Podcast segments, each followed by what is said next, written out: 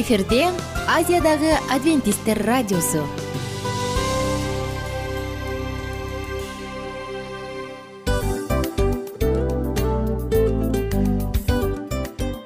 Достор салют. Баардык сүйүктүү угармандарыбызга салам айтабыз. Кутман күнүңүздөр менен. Ден соолук өмүрдүн булагы демекчи саламат саамы программасында баарыңыздарды көргөнүбүзгө абдан кубанычтабыз. Анда алгач амандашып өтөлү арбаңыздар деп. Ден соолугуңуздар кандай элибизде көбүнчө ден соолук кандай дегенде эле жакшы деп жооп беребиз э ооруп турсак дагы жакшы дейбиз. Анан мен муну айтып ойлойт элем бул абдан сонун сөз депчи анткени бул жакшы деген үмүт да э ооба баары жакшы болот баары сонун. Деп үмүттөнүп атып эле өзүбүздү өзүбүз дарылап коебуз. Анысы кандай? Сиздин дагы ден соолугуңуз жакшы беш деген үмүттөбүз чындыгында ден соолук бул өмүрдүн булагы деп бекеринен айтылган эмес деп ойлойм. Кыргыз элинде. Анткени эгерде ден соолук жок болсо анда адамдын жашоосунда калган баардык керектүү маңыздуу нерселер өзүнүн баалуулугун жоготуп коет. Ошондуктан ден соолук бул эң керектүү нерсе. Ооба туура айтасың кесиптешим чынында ден соолугуң жок бир эки үч күн ооруп калсаң эле э кандай болуп калат? Жашоодо көз каранды болуп каласың көп нерсеге жетишпей каласың көп нерсени кыла албай каласың жада калса эчке дүкөнгө да чыга албай каласың. Туптуура анан ден соолук болсо демек биз биздин бактыбыз тоодой деп койсок болот. Анда достор саламат саамы рубрикабызды баштайлы. Алдыда өзүңүзгө керектүү болгон сонун кеңештерди уга аласыздар. Мына ошондуктан биз менен бирге болуңуздар. Ал эми биз болсо милан жана айнура. Кеттик алга. Алга саламат саама ден соолуктун жарчысы. Саламат саама ден соолуктун ачкычы. Күн сайын сиз үчүн мыкты кеңештер сонун жаңылыктар кызыктуу фактылар. Биздин рубрикада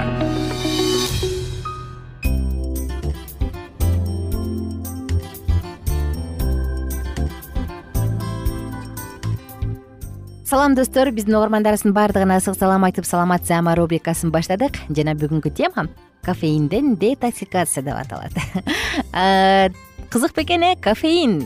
Кадимки эле кофени көп ичкен адамдардын баардыгын детокс программасынан чакырабыз. Анткени эмне себептен? Мына бул тууралуу алдыда кенен сөз кылабыз. Таң каласың бирок биз сүйүп ичкен биз жакшы көрүп эртең менен таң атпай ой бир серигип алайынчы деп шашып пушуп ичкен кофе дагы организмде зыяндуу өзүнүн таасирин калтырат. Ошондуктан эгерде сиз кофеге көз каранды болсоңуз жана анын зыяндуулугун эми эми биле баштаган болсоңуз анда сизди ушул программага чакырабыз мындай детоксикациянын түрү биз айта турган баардык кофе чай мате энергетикалык напитокторго көз каранды болгон адамдарга жардам берет жана булардын баардыгын организмден чыгарганга жардам берет никотин табак сыяктуу эле чылым сыяктуу эле кофеинде дагы алкалоид бар. Ал бизде көз карандуулукту пайда кылат. Жана албетте көптөр үчүн чыныгы токсинге айланат ууга айланат организмде. Мына ошондуктан бүгүнкү күндө э, суусундуктар абдан көп эмеспи дүйнөдө э кофе курамында кофеин бар же кадимки эле кофе. Мына ушунун баардыгын эске алып туруп биз бүгүнкү программа абдан пайдалуу жана керектүү деп чечтик. Ошондуктан сиздерге сунуштаачу программабыз кофеинден детоксикация же тазалануу анын максаты организмден кофеинди чыгаруу бул мээнин нейрондорунан анткени бул мээнин нейрондоруна таасир калтырат эмеспи. Ошондой эле колдон келишинче мүмкүн болушунча ал тийгизген таасирдин баардыгын жоготуу же калыбына келтирүү мүмкүн болушунча жана ошондой эле нерв системасын калыпка келтирүү. Анткени биз ушул программадан кийин кофесиз эле жакшынакай эле биз өзүбүз мындай сергек боло алат экенибизден жар көрсөк болот. Ошондой эле достор детоксикация учурунда детоксикация учурунда кофеден кофенин жетишсиздигинен синдромдор пайда болот э бул баш ооруу уйкусуроо бирок бир нече күндөн кийин бул өзү эле өтүп кетет. Ошондуктан кофеге каршы детоксикация кылып жаткан учурда биз сүртүнүүнү сунуштайбыз. Душ ванна бут үчүн ваннаны суунун суу менен жуунуу сауна жана башка баардык суу дарыланууларын суу менен дарыланууларды сунуштайбыз. Булардын баардыгы тең симптомдордун баардыгынан кутулганга жардам берет. Эми детоксикация учурунда кофеинден баш оору пайда болот дебедикпи аны кантип жеңилдетсе болот? Ысык ванна бут үчүн баш ооруну бир топ басаңдатат мына ошондуктан эгерде детоксикация учурунда башыңыз катуу ооруса бутуңузду ысык сууга салыңыз тердейсиз тери аркылуу кофеиндер организмден чыгат. Эми кофеинди алмаштыруу. Аны биз көбүнчө эртең менен бир стакан апельсин ширеси менен алмаштырып койсок болот. Апельсин ширеси же лимон лимонады э мурунку уктуруулар арасында айтканбыз. Аны менен алмаштырып кое турган болсоңуз сөзсүз түрдө сизге стимуляция дагы болот. Бул бирок табигый стимуляция жана өзүңүздү жакшы сезесиз ошону менен бирге кургак щетка менен же муздак ным чүпүрөк менен сүртүүнү дагы сунуштайбыз. Бул колуңуздун билегиңизден баштап төшөгүңүзгө чейин сүртүп келиңиз. Бул дагы сизге жакшы жардам берет. Эми кофеинден детоксикация үчүн биз бир күндүк меню сунуштайбыз. Эмне жеш керек эмне ичиш керек эмнени жебеш керек эмнени ичпеш керек. Эртең мененки тамак бизге апельсин ширеси абдан пайдалуу жогоруда айтылгандай эле бизге болгону гана апельсин ширеси керек.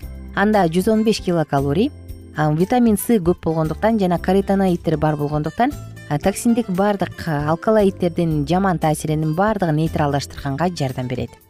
Экинчи таңкы тамагыбыз хвощ талак бошу анда калорий жок го эсе башка минералдар сыяктуу эле организмден кофеинди чыгарганга жардам берет.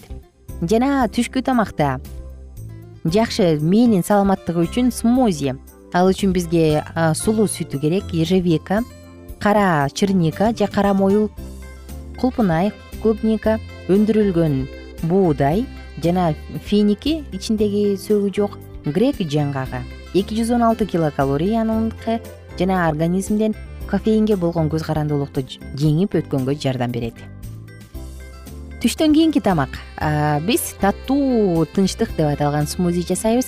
Ал үчүн бизге банан клубника кокос сүтү өндүрүлгөн буудай бал жана сулуу сүтү керек. Болду. Кечки тамак. Бул тазалоочу бульон. Ал үчүн бизге сельдерей брокколи пияз сабиз петрушка чеснок керек калорий жок го эсе анан албетте кофеинди мача менен чогуу чыгарганга зара менен кошо чыгарганга жардам берет ошондой эле достор кофеинге каршы биз бир күн аралыгында көп суу ичишибиз керек. Анткени кофеин дагы никотин сыяктуу эле организмде калып калгандыктан суу аркылуу тер жана зара аркылуу сыртка чыгат. Аны менен бирге күнүнө табигый с витамининин булагын ичип туруш керек. Апельсин лимон грейпфрут киви ширесин ошону менен катар эле өндүрүлгөн буудайды пивные дрожжи жана с б витаминдерине бай азыктарды жеп туруу сунушталат ошону менен бирге ашыкча тамак жеп алуудан карманыш керек. Жана чылым чегүүдөн баш тарткан жакшы алкоголдук ичимдиктердин баардыгын таштаган жакшы. Анткени булар кофе ичүүгө каалоону ойготот.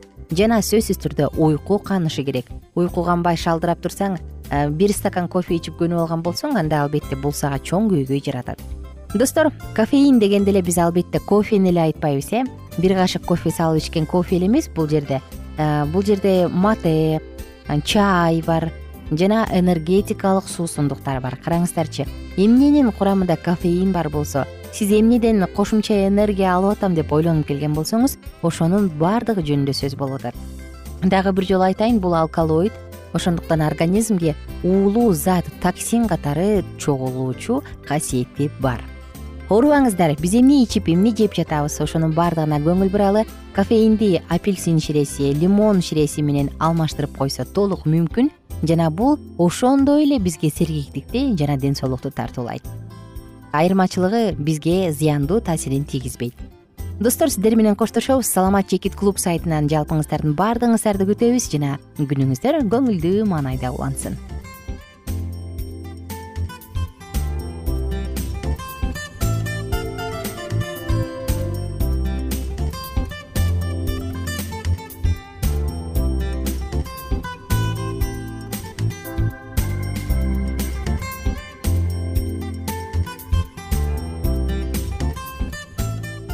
кененирээк маалыматтар үчүн үч w чекит саламат чекит клуб сайтына келип таанышыңыздар.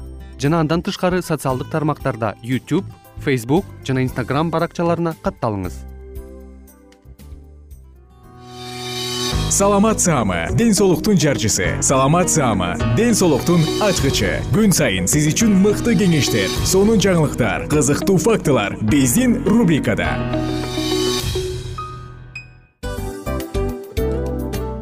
салам достор. Кайрадан биздин сүйүктүү рубрикабызга кош келиңиздер деп айтмакчыбыз. Баардык замандаштарыбызга арбаңыздар деп саламыбызды айтабыз. Улуу ушундай бир урматтаган учурашуу менен анан дил маек радио баракчабызга чакырабыз. Негизи дил маек биздин рубрикабызда эмне жөнүндө кеп кылабыз бул дил маектин мааниси эмнеде рубрикабыз менен кичине тааныштырып кетсеңиз. Сөзсүз түрдө тааныштыра кетейин. Кесиптешим суранычы боюнча бул учурда бул радио баракчада биз ар тарап кесип ээлеринен сонун кеңештерди алабыз сүйлөшөбүз сырдашабыз. Аталарыбыздын эжелерибиздин апаларыбыздын кеңештерин угабыз айтор. Жан дүйнөгө адамдын э, сапатына адамдын деги эле адам болуп жашашына керектүү баардык кеңештер алдыда. Негизи э, дил маек дегенде баягы эки адамдын ортосундагы сырдашуу кенен сүйлөшүү. Негизи эле биз адамдар бири бирибиз менен бир жерге жай жерге отуруп алып өзүнчө тынч э, жашоо жөнүндө өмүрүбүздө эмне болуп атканын бөлүшкөнү жакшы көрөбүз э адамдар. Ооба туура айтасың анан э, мындай учурга кээде убакыт да жетпей келет э? Же болбосо сырыңды кайгыңды муңуңду кубанычыңды айткың келет а адамга ишенбешиң мүмкүн. Ооба. А бул радио баракча угармандарыбыздын чыныгы досу. Анткени бизден алган кеңеш сиздин жашооңузга чоң жардам берет. Ал эми сиздин бизге айта турган сөзүңүз ортодо гана сыр бойдон калат. Ошондуктан биздин дил маек рубрикабызга дагы бир жолу кош келиңиздер. Жана биз даярдаган маалыматтарга даяр болуңуздар. Айнура жана милан сиздер менен бирге алдыга кеттик ар түрдүү ардактуу кесип ээлеринен алтын сөздөр жүрөк ачышкан сыр чачышкан сонун маек. Дил маек рубрикасында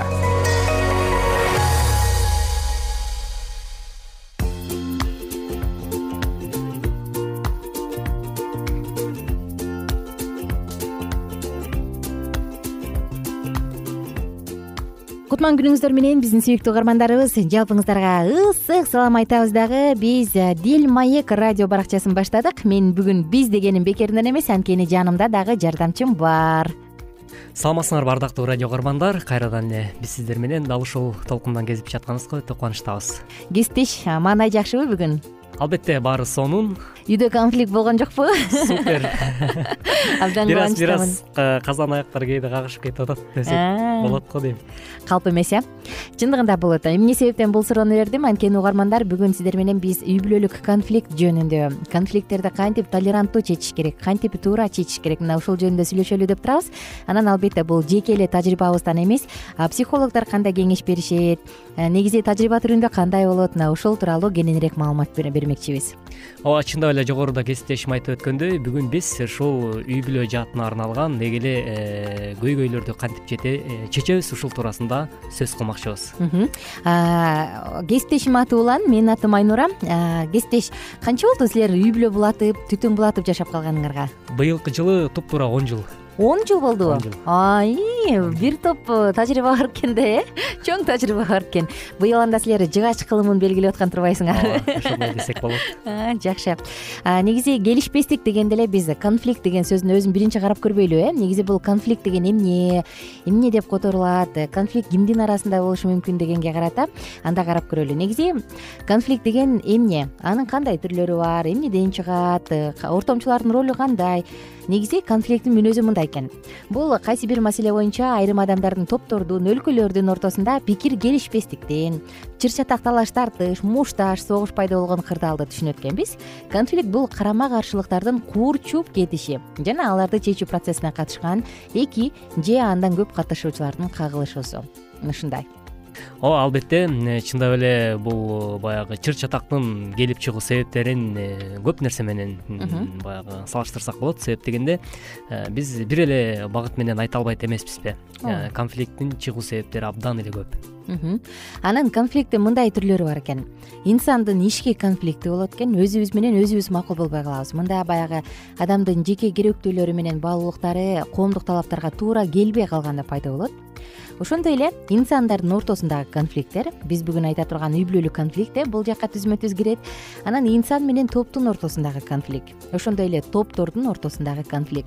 Ушул конфликттердин ичинен биз сиздер менен биринчи кезекте айта кеткендей үй бүлөлүк конфликтти карайбыз. Анан албетте мамлекеттер аралык конфликттер болуп кетет. Азыркы учурда дагы биз ушул учурдун замандын заманды карап туруп өзгөрүлүп баратканын көрүп билебиз э. Ортомчу жана анын милдеттери дагы болот бул конфликттерди чечүүдө. Анда үй бүлөлүк конфликт. Улан айта кетчи сенин жашооңдо үй бүлөлүк конфликт кандай учурларда пайда болот негизинен эле баягы үй бүлөлүк конфликттер кандай учурда пайда болот деген суроо туулганда албетте э, сөзсүз түрдө э, эки адамдын э, бири бирине карата болгон түшүнбөстүк мамилелерден улам келип чыгат деген ойду айткым келет да. Себеп дегенде мисалы ар бир адамдын өзүнүн жеке каалоосу болот эмеспи. Эгерде ошол каалоо канааттандыра албай канааттандырылбай калса ошондон улам ар түрдүү конфликттер чыгып келиши ыктымал мисалы өзүңө жаккан нерсени э, балким сенин ошол өмүрлүк жарың түбөйүң э, канааттандырбай атса же толуктабай атса сени колдобой атса сөзсүз түрдө пикир келишпестиктер анан кагылышуулар болот эмеспи мисалы бүгүнкү күндөчү көпчүлүк үй бүлөлөрдөн мындай сурамжылап көрсөң эмненин айынан урушасыңар? дегенде эми биз конфликтти уруш деп коебуз го. Ооба. Эмненин айынан урушасыңар? дегенде көпчүлүгү айтат да биз материалдык э, жетишсиздиктен улам урушат экенбиз көрсө. Эгерде акча болгондо анда урушпайт болчу экенбиз деп калышат да. Анан э, бул албетте материалдык жашоосунда кемчилиги бар. Материалдык жашоосунда акчанын жетишсиздигинен тартыш болгон үй бүлөлөр ушундай ойлошот экен. Ал эми э, баардыгы жайында болгон үй бүлөлөрдөн сурасаң кызганычтан дейт э. Кимдир бирөө менин апама туура эмес мамиле кылып койду дейт. Кимдир бирөө мага баш ийбейт дейт айтор. Карап отурсаң себептер толгон токуя да бирок окумуштуулардын айтуусуна таяна турган болсок алар айтат үй бүлөдө ушул материалдык жашоонун материалдык каражаттын жетишсиздигинен сексен пайыз үй бүлөлөр урушат дейт. Буга кандай карайсың?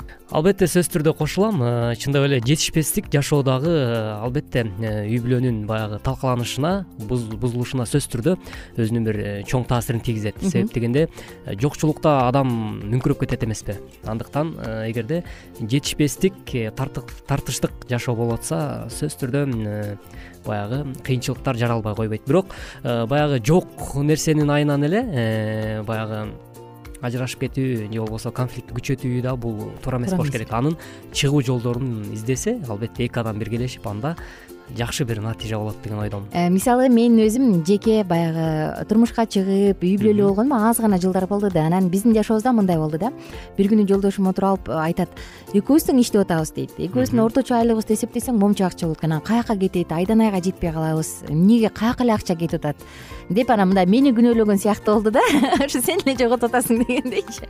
Анан мен айттым да мен эчтеке деген жокмун унчуккан жокмун анан аябай ойлондум андан кийин мындай ыкма колдондум да. Азык түлүк алаарда баягы көбүрөөк азык түлүк аласың го. Бир айга эки жума эки апта бир аптага ала турган убакта аны эчит барып жүр экөөбүз барып келели деп алып акчасын өзүнө берип мына сен э, өзүң расчет кыл өзүң эсептеш деп ага берип коюп анан ал өзү эсептешип атты анан келгенде ай ушунча эми баардыгы эле жок калдыбы э дейт да анан бул дагы бүткөн жок биз бул буларды бул жерде арзан алабыз ошол жактан алабыз деп анан алып алып анан аябай таң калып калат да. Анан кийин дагы деле анан акча каяка кетип атат эмне болуп атат? дегенде мен атайын атайын китепче ачтым дептер ачтым анан ар бир кирешени анан ар бир чыгашаны жаздым. Бир нан бир байпак э, элүү сом он сом беш сомго чупа чуп дегенден беричи бүт жазып жазып анан айдын аягында эсептесек көрсө биздин акчабыз мындай ашык эч жака карабойт экен бирок жалаң керектүүлөр да. Анан эмнени кыскартабыз дегенде анын ата энесине барганды кыскартышыбыз керек болуп калды да.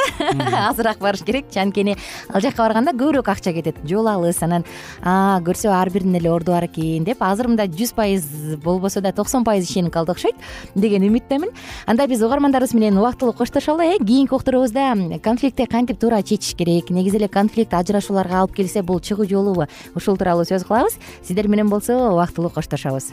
Ооба урматтуу угармандар бизге э, кулак төшөгөнүздөр үчүн ыраазычылык билгизебиз. Кайрадан эле сиздер менен дал ушул толкундан үн алышканча амандыкта туруңуздар. Эгерде сиздин үйүңүздө дагы конфликттер болуп алар чечилбей жатса анда биздин кийинки уктуруубузду калтырбай угуңуз кайрадан амандашканча сак саламатта туруңуздар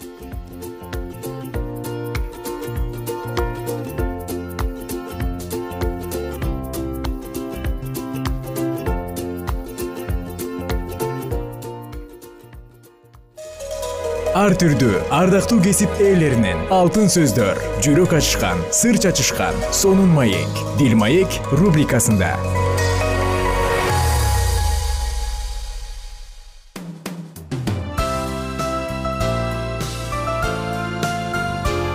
Эфирде азиядагы адвентисттер радиосу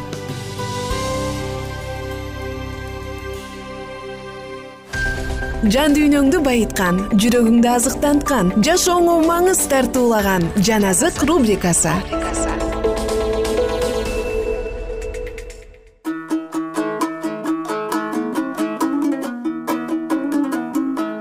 Саламатсыздарбы сүйүктүү угармандар сиздер менен кайрадан жагымдуу саатыбызды баштадык. Жана жан азык рубрикасында нундун уулу жашия китебин окууну улантабыз.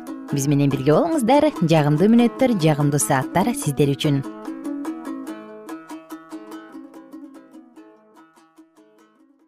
нундун уулу жашия сегизинчи бөлүм.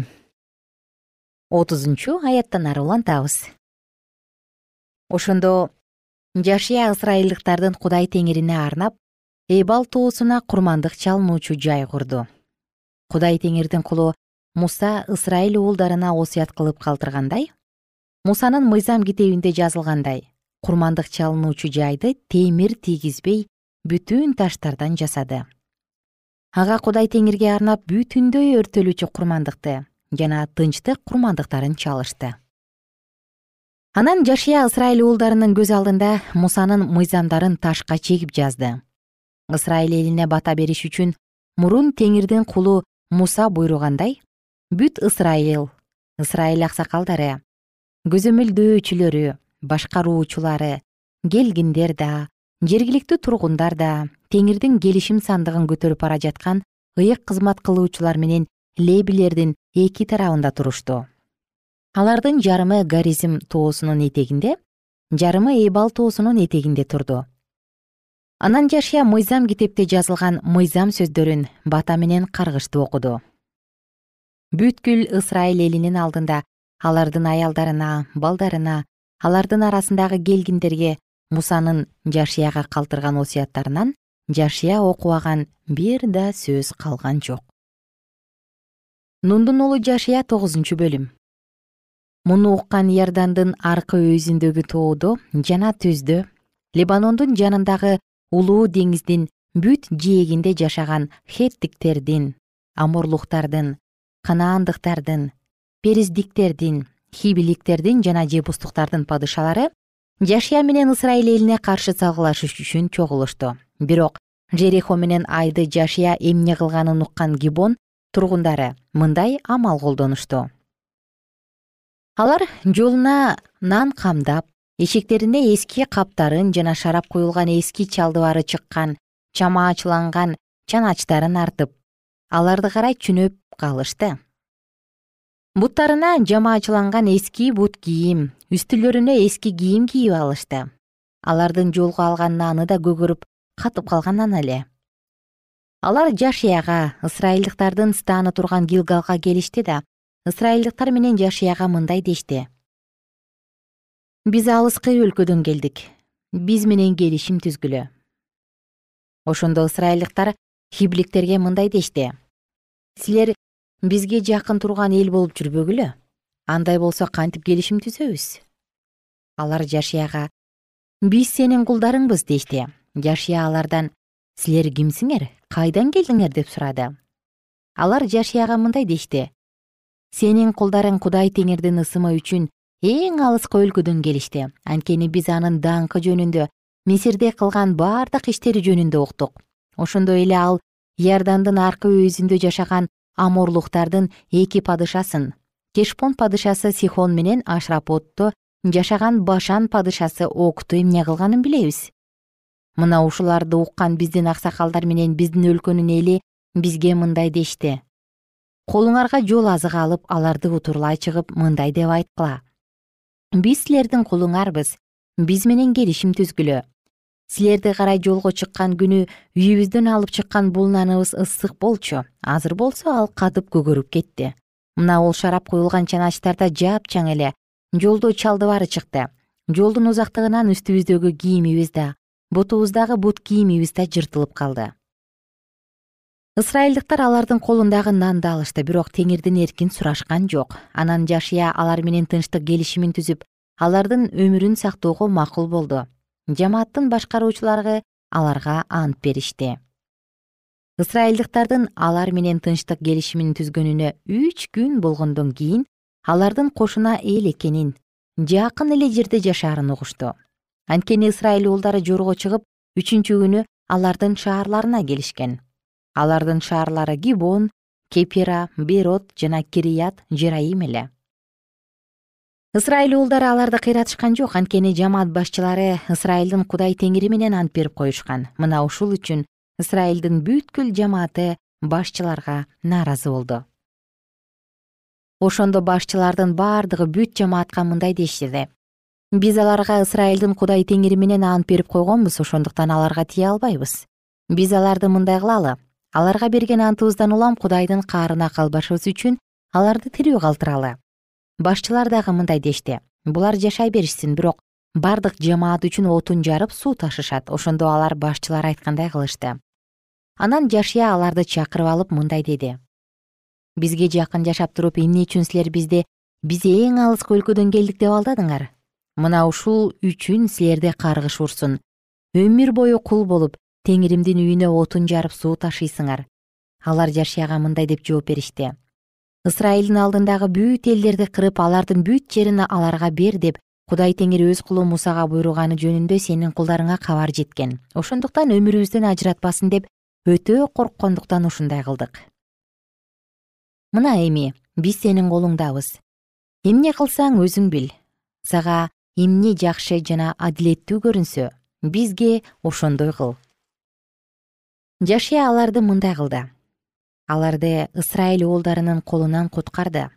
Аларды ысрайылдыктар өлтүрүшкөн жок. Ошол күнү жашия аларды жамаатка жана кудайдын курмандык чалынуучу жайына отун жаргыч суу ташыгыч кылып дайындады. Теңир кайсы гана жерди тандабасын алар ошол жерде атүгүл ушул күнгө чейин кул болуп жүрүшөт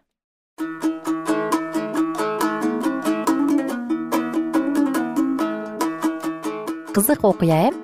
Эптеп тирүү калыш үчүн кулчулукка да макул болгон гибон эли. Кызык абдан кызык.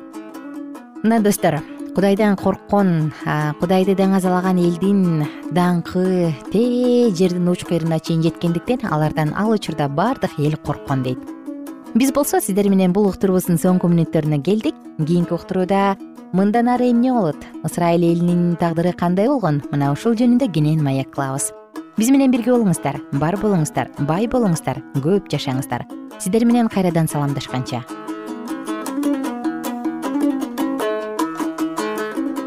Эгер сиздерде суроолор болсо же көбүрөөк маалымат билем десеңиз анда биздин whatsapp номерибизге жазыңыз.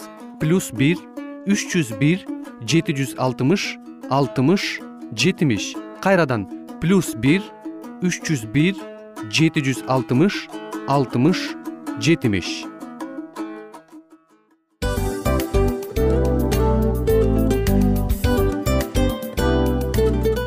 Достор биздин радио баракчаларыбыз соңуна келди. Демек бул программабызды дагы жыйынтыктачу келдик. Учурга келдик. Анан кесиптешимден сурагым келип турат. Негизи эле иштин башталып атканы кубандырабы сени же жыйынтыгы кубандырабы албетте жыйынтыгы. Себеп дегенде сен кылган ишиңдин жыйынтыгын көрүп э, баягы мөмөсүн көрүп дегендей жыргайсың жүрөгүң жемишинен тартып э? Кандай даамдуу деп. Баягы буудай сепкенде эмес буудай эгинди жыйнагандан кийин ысык нанды жегенде кадимкидей ырахаттанасың го. Ой айтпа туура айта кеттиң сонун салыштыруу болду анан мен дагы абдан кубанып турам анткени биз угармандарыбыз үчүн аябай эмгектенип келген уктуруубуздун соңуна келип калдык. Анан эми уктуруубуздун соңунда угармандар кандай пайда алып калды экен деп күтүп турам да. Балким э, менин жашоомо өзгөрүү киргизе турган сонун сөздөр болду. Мен ушул нерсени изилдеп анан кабыл албасам ушул нерсени кылбасам деген чечим чыгарсаңыз анда биз абдан кубанычтабыз. Сөзсүз түрдө андыктан кийинки биздин кызыктуу уктурууларыбыздан көрүшкөнчө сак саламатта калыңыздар. Чыдамсыздык менен сиздерди мен милан жана кесиптешим айнура күтөбүз баардык угармандарыбызга ийгиликтүү күн каалайбыз. Качан гана болбосун уртуңуздан жылмаюу кетпесин үйүңүздө көмүр жүрөгүңүздө көңүл болсун дейли